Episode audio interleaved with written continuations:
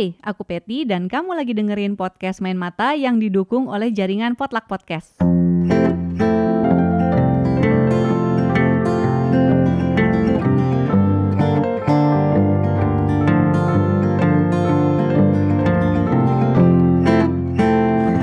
Podcast Main Mata adalah podcast buku yang ngebahas banyak hal seputar dunia perbukuan seperti obrolan dengan para pelaku, mulai dari penulis, penerbit, editor, dan lainnya. Juga ada rekomendasi berbagai jenis buku dan tantangan untuk kamu para pembaca buku. Selain podcast Main Mata, di jaringan Potluck Podcast juga ada podcast-podcast lain yang ngebahas tentang film, buku, seni, dan lain sebagainya. Cek akun Instagram at potluckpodcast, P-O-D-L-U-C-K, untuk info lengkapnya. Halo, kamu lagi mendengarkan segmen Orang Dalam yang isinya itu obrolan dengan para pelaku di dunia buku, baik penulis, editor, penerbit, dan lainnya.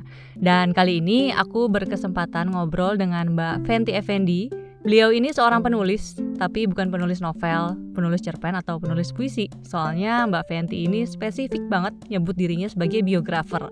Ada banyak buku biografi yang udah ditulis oleh Mbak Fenty. Misalnya nih, ada Karni Ilyas lahir untuk berita, terus ada Titik Balik Bima Arya, ada juga Ahmad Sahroni anak priok meraih mimpi, kemudian ada Setrum Warsito, dan terakhir buku biografinya Sutopo Purwo Nugroho Terjebak Nostalgia. Kayak apa obrolan dengan Mbak Fenty sebagai biografer?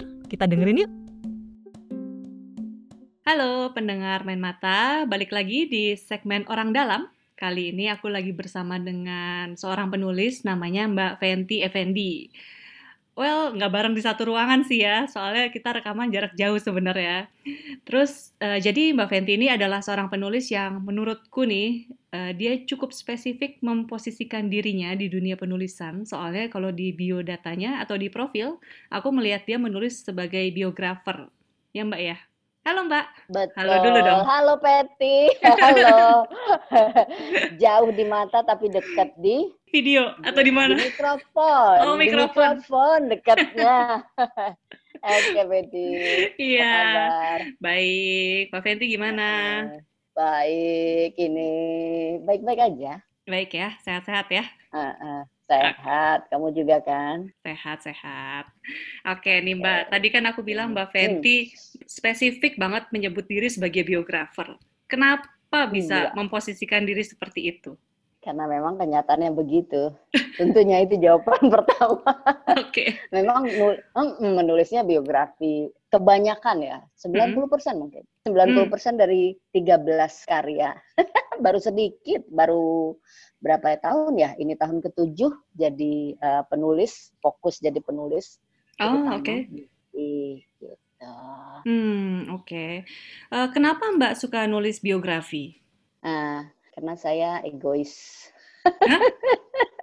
egois Nggak, maksudnya tuh Nggak maksudnya pengen denger. Maksudnya pengen dengerin duluan. Pengen tahu semua muanya itu dari tangan pertama. Pokoknya nomor satu aku pengen tahu nomor satu nomor satu. Itu jawaban bercanda sih. Kalau hmm. jawaban seriusnya mungkin karena aku tuh aslinya kan wartawan majalah hmm. terbiasa nulis panjang gitu ya terutama hmm. kalau menulis laporan utama gitu terus pindah ke TV beritanya cuman 3 sampai 5 alinea gitu ya hmm. terus menjelang Indonesia ini memasuki era pemilu langsung berarti 2003 2004 itu hmm. aku diajak oleh seniorku untuk menulis biografi salah seorang kandidat yang ikut pilpres. Nah, jadi dari situ baru gairah menulisnya itu, menulis panjangnya itu uh, muncul lagi gitu. Terus pause sebentar, aku sibuk kerjaan, uh, jadi wartawan, terus ambil kuliah S2, sempat ngajar, terus jenuh, pengen break, pengen gak jadi wartawan. Terus ada tawaran untuk membantu menulis uh, biografi Barack Obama. Waktu itu, waktu itu dia pres, presiden uh, Amerika ya, periode pertama. Jadi hmm. ketika menulis, uh, uh, ketika membantu menulis tentang empat tahun Obama di Indonesia, ya kan, terus eh berasa kok makin enak ya Terus kemudian uh, waktu itu Bang Karni Ilyas dulu yeah. pernah jadi pemimpin redaksi di Forum Keadilan waktu aku masih pertama jadi wartawan, dia kan pindah ke TV One dan dia ngajakin ke sana dan dia kemudian minta aku menuliskan biografinya dan dua hal itu jadinya kemudian meyakinkan aku bahwa memang aku ini bisa jadi penulis penulis biografi. Karena memang sebenarnya kalau dipikir cita-cita kecilku itu dulu jadi penulis gitu. Cuman jadi wartawan dulu jadi hidup ini mengalir dan kemudian nganterin ke sana. Ada dua apa namanya bisa dibilang semacam tip, tipping point misalnya gitu atau sebuah titik balik mm-hmm. karena waktu aku mengerjakan uh, riset untuk penulis biografi dari uh, Washington Post itu namanya David Maranis dia pemenang Pulitzer juga. Yeah. Aku tuh harus mencari riset yang uh, rasanya nggak akan mungkin tercapai. Itu mencari riset apakah ini orang ada seseorang itu harus dicari apakah ini orang meninggal karena dibunuh uh, Belanda mm -hmm. atau ini orang meninggal setelah Indonesia merdeka. Itu sesuatu hal yang sulit dicari karena orang yang seharusnya apa mempunyai uh, dokumen tentang orang tersebut, dokumen yang entah di mana berceceran, aku cari ke makamnya, ke makam yang diduga dia meninggal, siapa tahu di situ ketahuan tahun meninggalnya, tapi harus sampai ke tiga makam.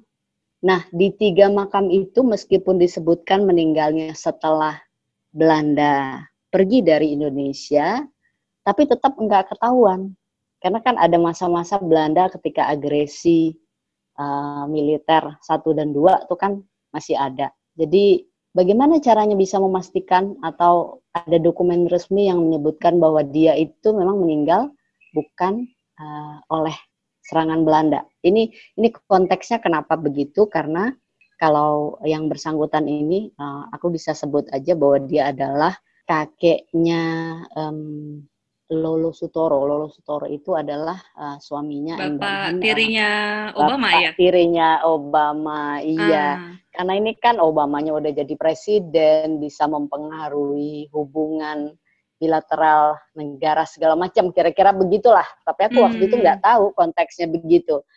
Dan kemudian ternyata ya udah harus mencari ke mana-mana, mencari ketiga makam, mencari ke arsip uh, di Jogja, mencari ke koran di Jogja, nggak dapet, uh, dan udah kayak menemui jalan buntu, tapi akhirnya kepikiran pulang ke Jakarta, mampir ke Arsip Nasional, dan ketemu di sana, tapi ceritanya jadi panjang sekali lah, bolak-balik harus bongkar koran, tapi akhirnya menemukan, dan di situ aku uh, merasa, wah, walaupun tantangannya luar biasa, tapi ternyata bisa diatasi dan nggak bikin patah semangat. Karena bagaimanapun menulis eh, apa namanya melakukan riset seperti itu kan nggak ada yang apa namanya yang mengontrol hmm. dalam arti begini kalau aku bilang aja ke orang Amerikanya aku bilang wah nggak temu nggak ketemu nih pak gitu kan.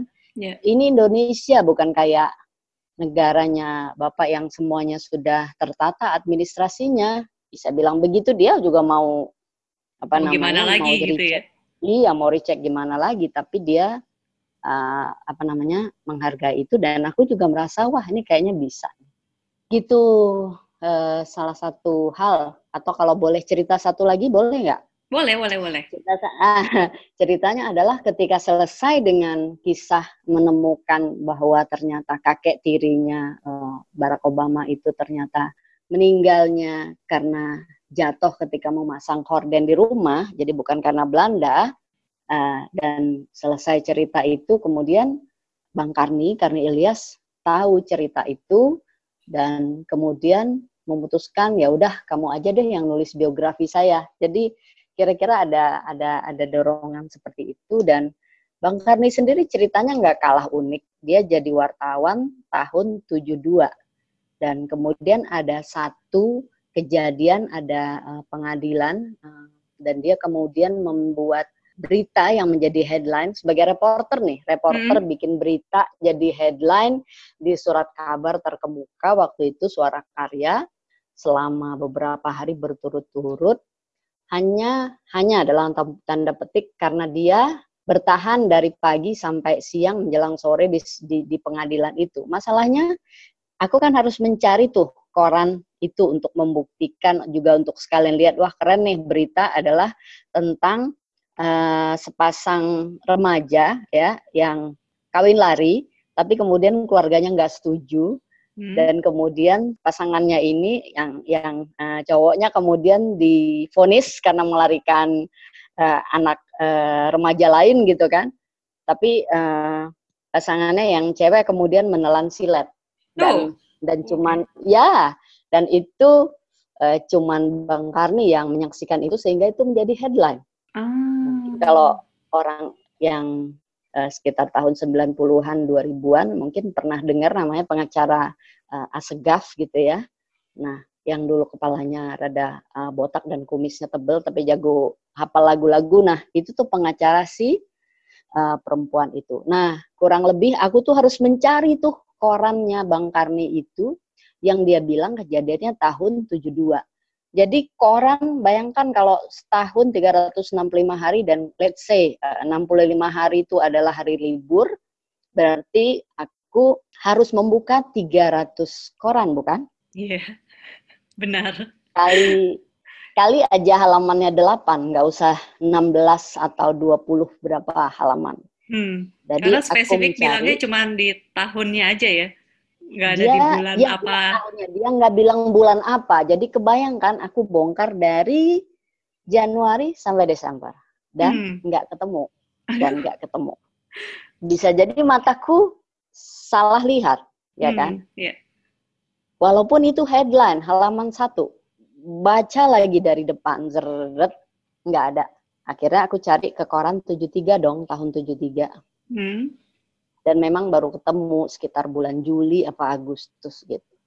Tapi dua peristiwa itu maksudnya membuat aku tuh enggak ini ya, aku menikmati proses hmm. mencari itu, menemukan wah ini kayak begini dan menjadi sangat antusias ketika menulisnya. Artinya gini, kalau kita suka sesuatu itu kan kita jadi benar-benar mengusahakan ya, nggak peduli kayak gimana suka dukanya dan itu kemudian membuat aku yakin bahwa ya aku kayaknya akan tekun memilih ini karena bisa mencurahkan apa namanya dulu mimpiku, terus kemudian juga gairah dulu menulis di majalah yang terpaksa waktu itu berhenti karena ada krisis ya di majalah forum waktu itu sehingga kemudian aku pindah waktu itu ke ke TV tapi akhirnya balik lagi ya udah inilah yang akan kulakukan ke depannya. Itu kejadian tahun 2013 ya aku memutuskan jadi wartawan. Eh sorry jadi penulis lagi sepenuh. Kira-kira hmm. begitu, Peti. Oke, berarti ya. tadi sebenarnya Mbak Fenty agak salah dong kalau bilang egois. Soalnya sebenarnya kalau jadi penulis biografer tuh kita justru menceritakan tentang orang lain gitu, bukan tentang diri kita sendiri ya nggak sih? Iya, tapi kan dalam prosesnya maksudnya. Aku aku tuh kepengen, gue pengen tahu duluan nih, gue apa sih yang diinin orang karena kan kebanyakan pada awal-awal aku mulai menulis uh, biografi itu kan lebih ke kan aku latar belakang wartawan, uh, sosial politik, hukum begitu kan. Jadi hmm. kan dengan newsmaker ya katakan yeah. begitu atau orang-orang yang memang di pemerintahan atau orang yang di politik itu. Jadi pengen tahu kan ada yang biasanya off the record atau background yang nggak bisa diceritain, kisah di balik sebuah kejadian atau sebenarnya ini berantem kan ya kan orang-orang politik juga suka berantem itu sebenarnya gimana sih pak ya anda pengen tahu duluan kira-kira gitu tapi itu buat konsumsi pribadi jadi aku maksudnya jangan salah loh juga seneng gosip-gosip kayak begitu gitu aku jujur oh, mengakui iya, iya, gitu. iya, iya, iya. tapi itu kan bercanda tadi Peti maksudnya yeah. gitu loh gitu. Iya mbak.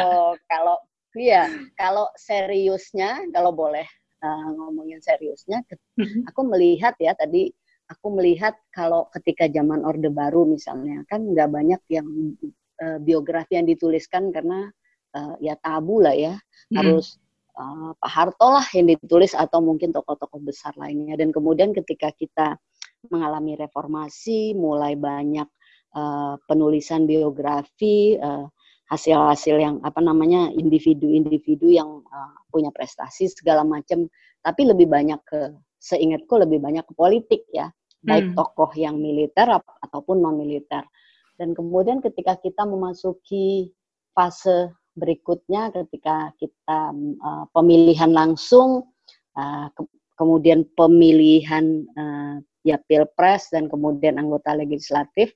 Nah, aku melihat di situ ada semacam kekosongan narasi terhadap contoh-contoh uh, baik atau keteladanan di uh, publik gitu ya. Hmm. Dan karena latar belakang tadi sebagai wartawan politik hukum itu tadi itu membuat aku berpikir ah kenapa ya nggak nggak ada ada orang-orangnya tapi uh, mungkin mereka agak sungkan menceritakan atau bagaimana sehingga aku kemudian mengambil uh, apa namanya ah aku bilang aku pengen menceritakan itulah gitu hmm. karena itu tadi karena uh, ketika sebagai wartawan majalah uh, menulisnya banyak kemudian TV menulisnya uh, sedikit dan kemudian ada challenge untuk membantu penyusunan biografi dan kemudian berpikir ya udahlah nih kayaknya bisa nih di diseriusi banyak narasi-narasi yang bisa diceritakan kepada publik. Hmm. Nah, gitu kira-kira. Oke, okay. kalau um, menulis profil seseorang ini kan apalagi dalam bentuk buku ya, itu kan sesuatu hmm. yang sangat luas untuk dibahas sebenarnya. Ada nggak angle tertentu yang selalu dipakai Mbak Fenty ketika menulis? Kayak mungkin hal apa sih yang wajib dicari tahu ya atau yang wajib dikulik dari orang ini?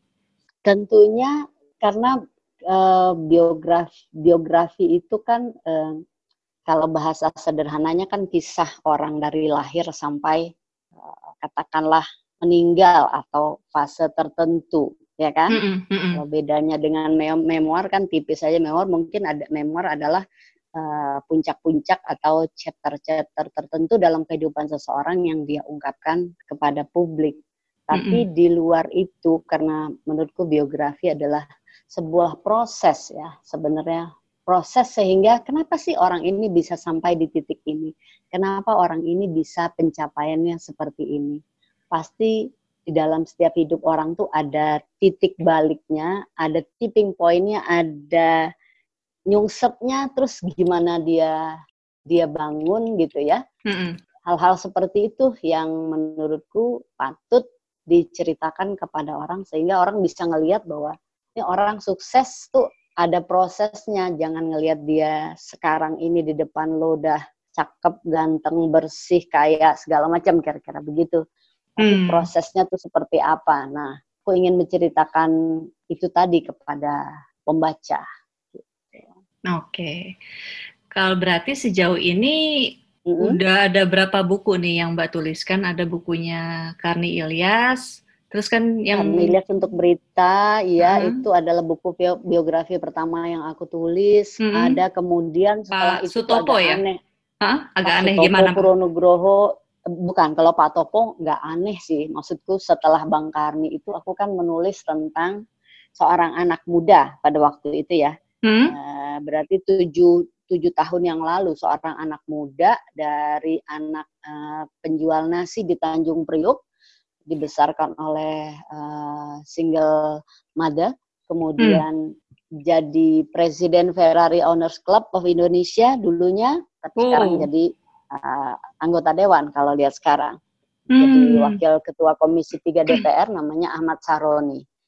Gitu. Nah, itu agak aneh itu. Uh, orang bilang kenapa sih dari Bang Karni yang tokoh terkenal ya, hmm. punya acara uh, apa namanya yang banyak ditonton orang, salah satu yang terbanyak. Kemudian tiba-tiba menulis seorang anak muda, Bang Karni 60, ya kan, menulis Ahmad Saroni yang umurnya baru 35-an something, nggak terkenal gitu ya. Hmm, hmm. Nggak terkenal bukan pejabat, cuman pengusaha, cuman kata orang gitu. Tapi yang nggak di, yang aku lihat dari situ adalah, aku tuh selalu berprinsipnya begitu ya. Kalau menulis biografi, baiknya adalah ceritanya harus menarik dan penting untuk publik gitu. Hmm. Ada yang ceritanya menarik, tapi nggak penting buat publik karena kehidupan private dia. Misalnya dia nggak ada bersentuhan dengan misalnya oh, uang publik karena dia pejabat publik, enggak kalau bisa komplit dua-duanya oke. Okay. hmm. gitu kan. Dalam hal saronik ketika saat itu aku menuliskan bukunya yang aku ingin uh, kasih lihat kepada orang adalah bahwa bisa loh di lingkungan dia tinggal di Tanjung Priok ya, di lingkungan yang keras, di lingkungan pada masa tahun katakanlah 90-an mungkin itu uh, banyak apa namanya uh, kenakalan juga banyak dulu kan jadi rahasia umum di situ. Ada misalnya e, narkoba misalnya. Bahkan dulu tuh kalau anak sekarang mungkin nggak tahu tapi dulu itu adalah tantangannya kalau lagi teler begitu tuh di jalanan menuju pelabuhan Tanjung Priok itu mereka bisa taruhan untuk lo berani nggak tidur di jalan? Di oh. jalan yang enggak iya jadi ada truk lewat segala macem gitu Oh, mereka tuh juga, ya? uji nyalinya di situ. Gila, mereka uji nyalinya di situ gitu. Nah, itu di lingkungan seperti itu, di pergaulan seperti itu bisa ada seorang uh, remaja atau anak muda yang enggak terlibat dengan uh, obat-obat terlarang dan seperti itu, juga hmm. enggak merokok dan hidupnya sehat sama sekali dan dia hanya tamat SMA, kemudian menjadi sopir berganti-ganti dengan segala macam pengalaman, ada juga majikan yang zalim, inilah dia dilempar asbak segala macam, tapi dia berhasil yaitu tadi jadi presiden Ferrari Owners Club of Indonesia, tapi kemudian sekarang udah nggak lagi, tentunya udah ganti ya. Tapi menceritakan itu apa sih yang membuat dia bisa jadi seperti itu? Ya, ya, dibesarkan ya. di lingkungan seperti itu. Padahal dia nggak terkenal. Sekarang sih dia aku bilang ya sangat terkenal lah orang muncul di YouTube mana-mana gitu loh di seleb-seleb gitu. Tapi ketika itu dibuat, bukunya dibuat, orang nggak hmm.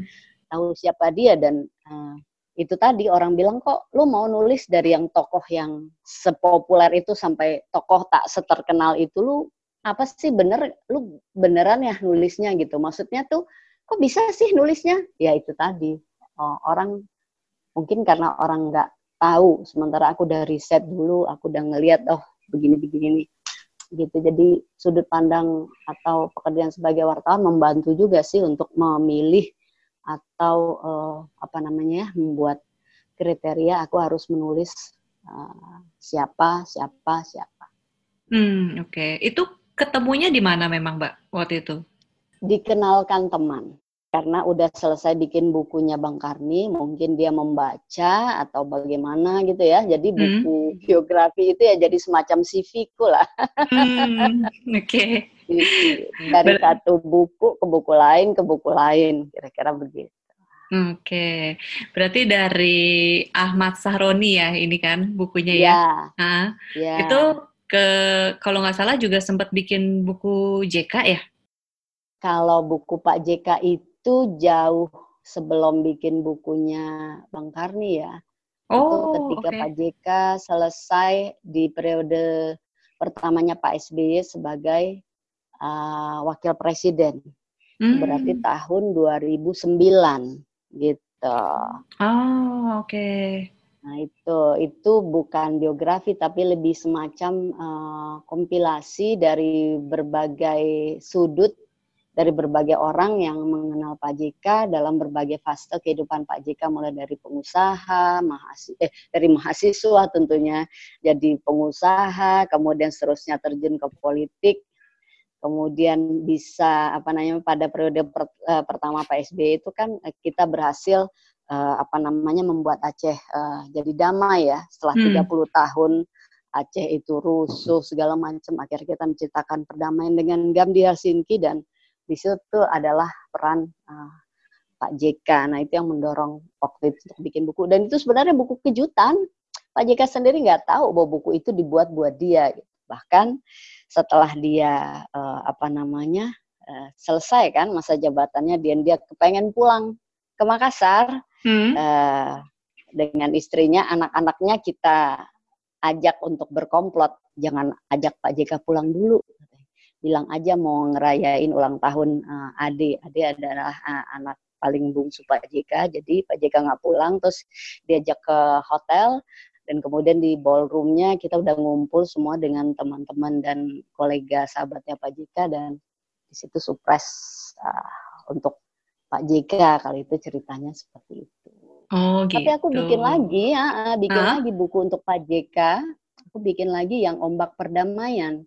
Tahun 2014 hmm. ketika Pak JK uh, jadi wapres lagi di era pertama eh di apa uh, periode pertamanya Pak Jokowi aku bikin ombak perdamaian, inisiatif dan peran JK mendamaikan Aceh. Tapi itu juga bukan biografi. Biografi itu titik balik Bima Arya. Ini loh wali kota Bogor yang Bogor, kemarin uh. positif. Uh, uh, tapi berhasil survive. Nah, hmm. itu juga menarik. Titik balik Bima Arya. Seperti tadi aku bilang, aku ingin, uh, aku melihat ada kekosongan narasi-narasi uh, tentang um, apa namanya uh, dunia politik kita. Meskipun pada saat itu Kang Bima waktu itu belum mau apa namanya, belum terdengar akan maju hmm. uh, untuk uh, pil pilkada di Bogor. Enggak. Di, Pas lagi buku ini ditulis. Belum, belum terdengar. Oke. Okay. Uh, dia waktu itu, uh, jadi ini lebih menceritakan bagaimana seorang anak uh, muda kelas menengah ya, karena bapaknya dulu pernah jadi Kapolda di Kalimantan, uh, punya mobil waktu SMA gitu ya. Hmm. Eh, SMA apa kuliah ya, pokoknya antara itu deh. Jadi bagaimana dia yang tadinya sepertinya masa depannya itu pokoknya mulus meluncur seperti mobil balap gitu ya. Karena uh, kondisi ekonomi baik, dia juga anak yang cerdas, bergaul, punya banyak teman dan kemudian selesai sekolah di Unpar, kemudian melanjutin S2 dibiayain orang tua, tapi kemudian bapaknya meninggal dunia. Dan ah. itu kan membuat, ya itu orang nggak banyak tahu kisah Kang Bima seperti itu. Bagaimana dia yang udah tinggal di Australia kemudian harus membiayai kuliahnya sendiri dan waktu itu dia uh, baru saja menikah dan sudah punya anak satu dan dia harus jadi uh, ini ya kalau nggak salah pemetik buah panen anggur ya waktu itu pokoknya macam-macam kerja yang dia hmm. lakukan supaya kuliahnya selesai karena bapaknya bilang kamu harus tuntas gitu ya sampai S3 dan dia menuntaskan S3-nya di Australia. Nah, itu kisahnya sampai kemudian hmm. jadi pe, apa namanya pengamat politik yang favorit ya di hmm. masa tahun uh, menjelang ini ya sekitar tahun 2000-an sampai um, 2010-an ya. Nah itu, jadi jadi cerita itu yang buat buatku itu menarik gitu melihat orang yang jadi istilahnya tuh cuma uh, ngomong dari pinggir lapangan. Pengamat itu kan sama kayak pengamat bola atau pengamat itu ya jago ngomong di pinggir lapangan ya kan. Yeah, Tapi yeah, kalau ketika uh, dia mau terjun ke dunia politik, ibaratnya mau berlumpur, mau berkotor-kotor, mau berpeluh-peluh gitu ya ya itu yang dilakukan Bima dan menurutku itu wah menarik nih harus diceritain ke publik. Hmm. Itu okay. salah tiga. Terus yang terakhir Pak Sutopo ya tahun ya, lalu ya. Eh, paling akhir sekarang ini ya bukunya uh, Pak Topo. Dan kebetulan ini kan kalau diingat-ingat ini persis tahun loh eh, proses aku menuliskan buku Pak Topo tuh April dan ini Mei bulan puasa aku ingat banget juga ya masa-masa April, Mei, Juni. Ah, udah setahun ya? Lalu. Okay. Ya, nggak berasa setahun yang lalu. Kalau sekarang lagi ada lagi ada proyek menulis biografi lagi kah? Uh, Sebenarnya jujur aku mau pause tahun ini, nggak mau hmm. nulis buku dulu. Gak apa-apa ya diceritain. Tadinya pengen nih ya kayak cuti lah setahun penuh dan pengen pergi ke mana gitu ya. Ah, oke. Okay. Uh, ya pengen pergi keluar gitu maksudnya tinggal di mana gitu oh. sebulan gitu hmm. ya uh, untung aja belum beli kemarin itu Februari belum beli tiket belum beli hotel belum mengarrange uh, rencananya gitu waduh uh, iya sih repot udah. banget kalau sampai udah ya. beli semua Iya, kota-kotanya udah ya kan. Uh, maksudnya udah direncana tapi belum dibayar-bayar gitu. Oke, okay. nah tadi kan Mbak Fenty ini uh, menulis biografi dari bisa dibilang lah ya dari tokoh-tokoh yeah. yang saat ini masih aktif sebagian yeah. besar kecuali Pak Topo ya karena di tengah-tengah memang dia uh, meninggal dunia kan. Nah aku mm -hmm. pengen tahu sih kalau penulisan biografi tentang tokoh yang memang masih aktif terus juga masih ya istilahnya masih hidup lah ya itu yeah. Ya. uh, sejauh apa sih mereka melakukan intervensi terhadap proses penulisan? Cie, ini kayaknya pertanyaannya udah disimpan dari kapan-kapan. Penasaran. Kalau intervensi, ya. Kalau intervensi itu uh, maksudnya mengatur cerita ini boleh masuk, yang ini jangan gitu. Dan saya maunya yang begini-begini biar saya kelihatan keren gitu. Uh, dari 13 buku yang aku tulis itu belum pernah kejadian. Hmm. Syukurnya belum pernah kejadian. Berarti alur Tapi dibebaskan ke Mbak Fenty. Iya, hmm. tapi diskusi ada ya, diskusi hmm. selalu ada. Dan juga kalau konteksnya me, setelah draft jadi misalnya, kalau konteksnya dia misalnya mengoreksi kekeliruan, uh, ya namanya ketika cerita kadang-kadang mungkin keliru menangkap maksud atau nuansa dari sebuah pertemuan atau peristiwa itu kan hal yang uh, sifatnya dialogis gitu ya, hmm. yang diskusi Uh, dan itu bagian dari yang akan membuat sebuah buku menjadi uh, lengkap atau lebih tepat. Tapi kalau yang intervensi nggak ada dan kalau buku yang nggak jadi dibuat gara-gara gairah mengintervensi dari yang bersangkutan atau orang dekatnya ada sih. Oh iya? Iya, tapi untungnya ya tapi untungnya itu terjadi ketika awal-awal penjajakan ya. Jadi nggak pernah yang sampai ketika sedang dituliskan dan kemudian uh, ada intervensi seperti itu. Karena biasanya menurutku sih itu alamiah ya. Hmm. Begitu di awal, begitu begitu pertama bertemu, begitu ngobrol, kita mau bikin apa gini-gini. Kalau orang itu biasanya akan nggak tahu ya pengalaman ya. Biasanya akan segera ketahuan ini arahnya akan jadi apa enggak hmm. pengalaman gitu. Ya aku bersyukur nggak ada satupun yang intervensi mereka percaya sepenuhnya karena bagaimana kalau kalau dia orang pemerintahan ya aku pernah juga sih uh, jadinya nggak jadi bikin buku untuk orang yang jadi kepala daerah karena dia ya itu tadi kamu bilang dia harusnya begini begini mbak begini begini mbak akhirnya aku juga naik emosi juga karena aku bilang bapak kalau urusan pemerintahan urusan memerintah merintah rapat mungkin bapak jagonya ya tapi kalau hmm. soal menulis buku, menulis yang panjang-panjang, saya kira saya ahlinya lah. Jadi maksudnya lo dengan pekerjaan lo, ya, hmm. gue dengan pekerjaan gue gitu. Hmm. Ngapain lo nyari gue kalau lo juga masih mau merintah-merintah bikin ini itu gitu, bukan begitu cara. Tapi kalau berdialog, berdiskusi, ayo hmm. gitu. Biasa prosesnya berapa nah. lama sih Mbak sampai akhirnya jadi buku? Soalnya kan kayaknya risetnya harus cukup detail ya. Ya betul. Uh, yang paling cepat tiga bulan, yang paling okay. lama dua tahun. Itu termasuk penulisan atau risetnya aja dulu? Uh, yang dua tahun itu penulis riset, uh, wawancara dan penulisan. Terkendalanya bukan apa-apa karena ada dinamika, ada apa namanya ya, ya ada dinamika lah terkait dengan tokoh itu dan penemuannya sehingga waktunya jadi molor. Ini uh, buku yang terkait dengan buku namanya Setrum Marsito itu buku yang membahas tentang teknologi uh, listrik berenergi rendah uh, untuk uh, memberantas kanker terutama oh, kanker payudara. Dua tahun tuh ya? Dua tahun termasuk pergi ke Jepang juga karena uh, Pak Warsito itu dia kan penerima BJ Habibie Technology Award tahun 2015 dia kan sekolahnya atau kuliahnya S1 S2 S3 di Jepang. Hmm. jadi aku ketemu dengan uh, apa namanya dosennya dulu ketemu dengan koleganya dulu di laboratorium ketemu dengan anak-anak didiknya itu kemudian juga riset tentang hal yang Aku sendiri nggak tahu, aku juga baru dengar itu namanya ECVT.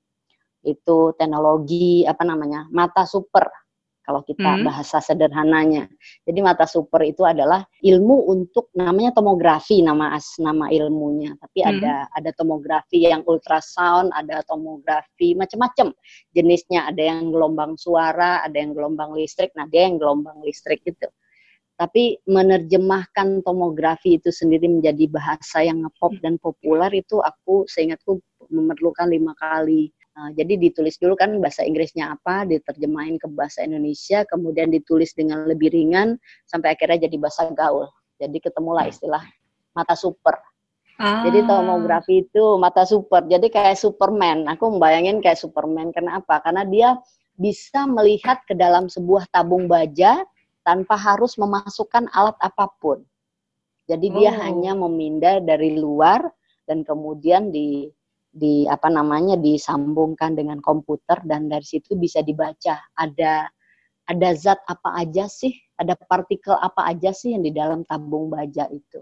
Hmm. Itu nanti hmm. kemudian berkembang. Nah, itu dia. Itu teknologi itu pengalaman pertama aku menulis tentang uh, iptek dan itu cukup mem, apa ya?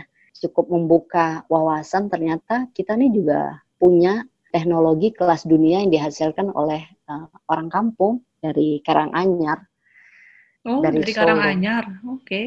Ya, Karanganyar. Hmm. Dari desa yang nggak jauh dari Astana Giribangun, makamnya uh, Presiden kedua RI. Tadi kenapa hmm. ya kita jadi sampai ngomongin ke sana ya? Uh, oh, soal lama menulis buku itu ya? Iya, dua ah, tahun kan iya, ini. Iya. Mungkin iya, karena ya, topiknya juga itu. ya. Topiknya juga dan kemudian ya kalau kamu ingat bahwa kemudian penemuannya menjadi kontroversi dan ya kemudian jadi penulisnya ikut dalam ini ya gelombang apa namanya kan mengalami ada keterkaitan emosi kan dengan yang ditulis itu kalau kita mengetahui jadinya bahwa itu bukan sesuatu yang tidak masuk akal bahwa itu juga di Israel ada uh, ilmuwan juga yang menemukan hal yang sama tapi beda gelombang listriknya uh, lebih tinggi dari yang diciptakan oleh Pak Warsito itu kalau Pak Warsito itu setara dengan energi di handphone kita masing-masing kalau yang di Israel itu ilmuwan Israel itu dia kayak pakai ransel karena saking gedenya baterai atau listrik yang harus dimasukin itu gitu. Hmm. Kalau kita tahu gitu. Iya ya. Ketika menulis buku itu kemudian dia berpikir bahwa ini dalam situasi sekarang aja misalnya kalau dicari konteksnya eh, bahwa untuk menghasilkan sebuah penemuan atau sebuah teknologi yang eh, terdepan kita tuh harus menekuni bidang yang memang jarang di uh, atau belum menjadi pionir di bidang itu. Itu yang dilakukan oleh Dr. Warsito menjadi pionir tomografi ultrasound dulunya di Jepang di Shizuoka University. Kalau hmm. kita mau kita terdepan dalam hal teknologi ya kita harus melakukan sesuatu yang orang lain belum pernah atau jarang orang ikuti dan waktu itu tomografi di tahun 2000-an eh tahun 1985-an itu ya cuman ada di Eropa dan sedikit di Jepang. Poin hmm. itu adalah dalam situasi seperti sekarang Pak Warsito itu kan berangkat dengan beasiswa dari Pak Habibie zaman Pak Habibie masih kalau nggak salah waktu itu masih jadi Menristek atau apa gitu ya. Dan itu butuh waktu 25 30 tahun untuk dia bisa menghasilkan sebuah penemuan yang mengguncang uh, dunia kedokteran dalam hal ini kanker dan juga dunia itu tadi mata super karena kemudian penemuannya dipakai oleh NASA untuk uh, apa namanya untuk mengecek keretakan di pesawat ulang alik misalnya. Kan oh. Kan pesawat ulang alik, pesawat ulang alik ke luar angkasa nggak bisa orang kan bagaimana ngelihat di luar itu karena suhu perbedaan suhu ya di dalam hmm. pesawat dengan di luar pesawat. Nah itu teknologi dari Pak War itu membantu NASA untuk uh, apa namanya menghitung keretakan yang terjadi di uh, luar dinding pesawat pulang alik. Hmm.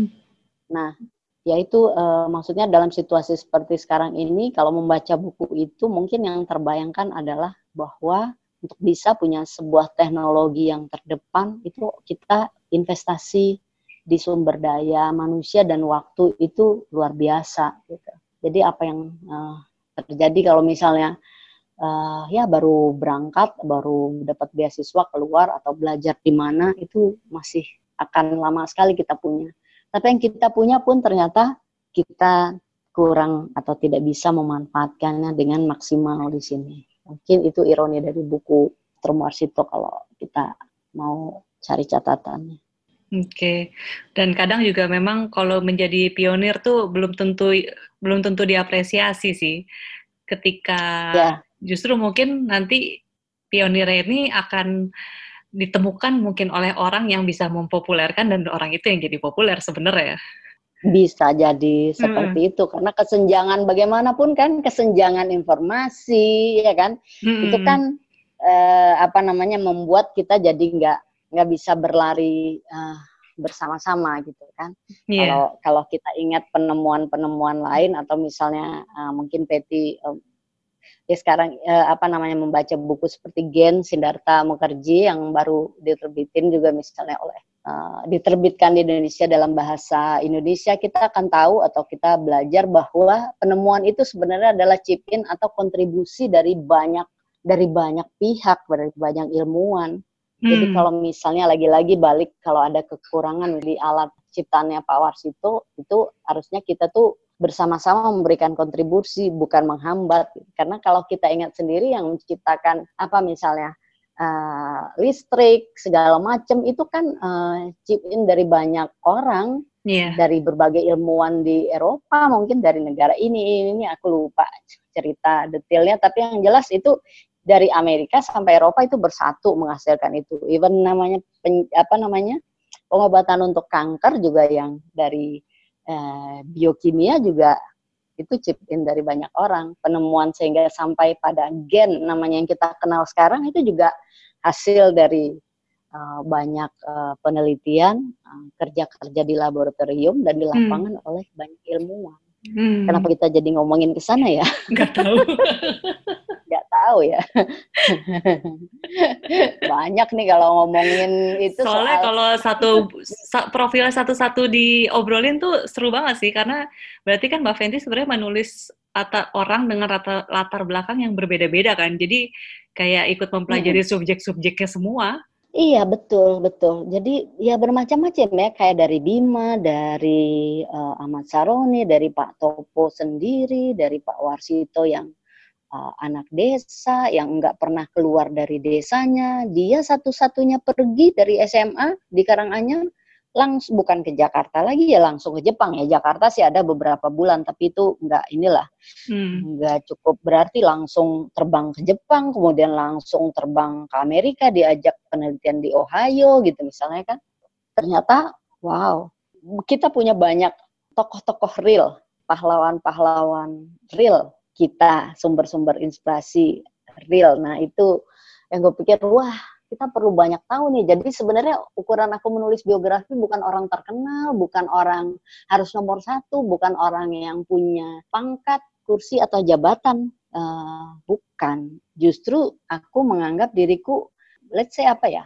medium mungkin atau apa gitu untuk ngasih tahu karena aku udah tahu duluan, nah ini nih aku mau kasih tahu nih kita punya orang kayak begini, kita punya tokoh kayak begini, ini ada orang yang bisa kita tiru misalnya. Hmm. Salah satu buku yang aku tulis misalnya, aku lupa tadi menyebutkan. Jadi sebenarnya aku kayaknya udah nulis 14 buku deh. Pak Nurdin Abdullah, kalau uh. mau disebutnya sekarang jadi gubernur Sulawesi Selatan.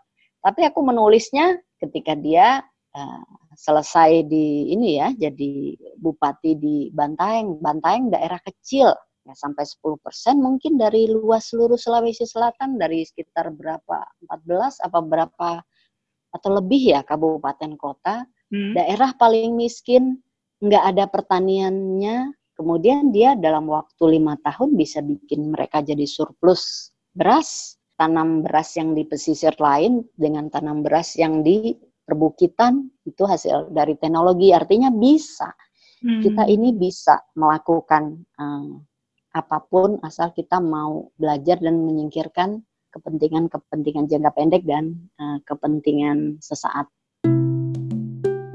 Terima kasih udah dengerin obrolan bagian pertama dengan Mbak Fenty. Jangan lupa nanti dengerin bagian keduanya juga ya. Terus kalau ada dari kamu yang mau kasih komen, saran, atau masukan seputar konten podcast Main Mata, bisa langsung DM atau mention di Instagram, bisa ke akunku di @patricia.wulandari atau ke @potluckpodcast. Kalau mau di Twitter juga bisa ke @patipatigulipat atau @podcastpotluck. Ditunggu ya. Dan kalau kamu menikmati konten yang kami sajikan, kami akan sangat berterima kasih sekali jika kamu mau merekomendasikan podcast Main Mata ke teman-teman kamu, khususnya mereka yang suka baca buku.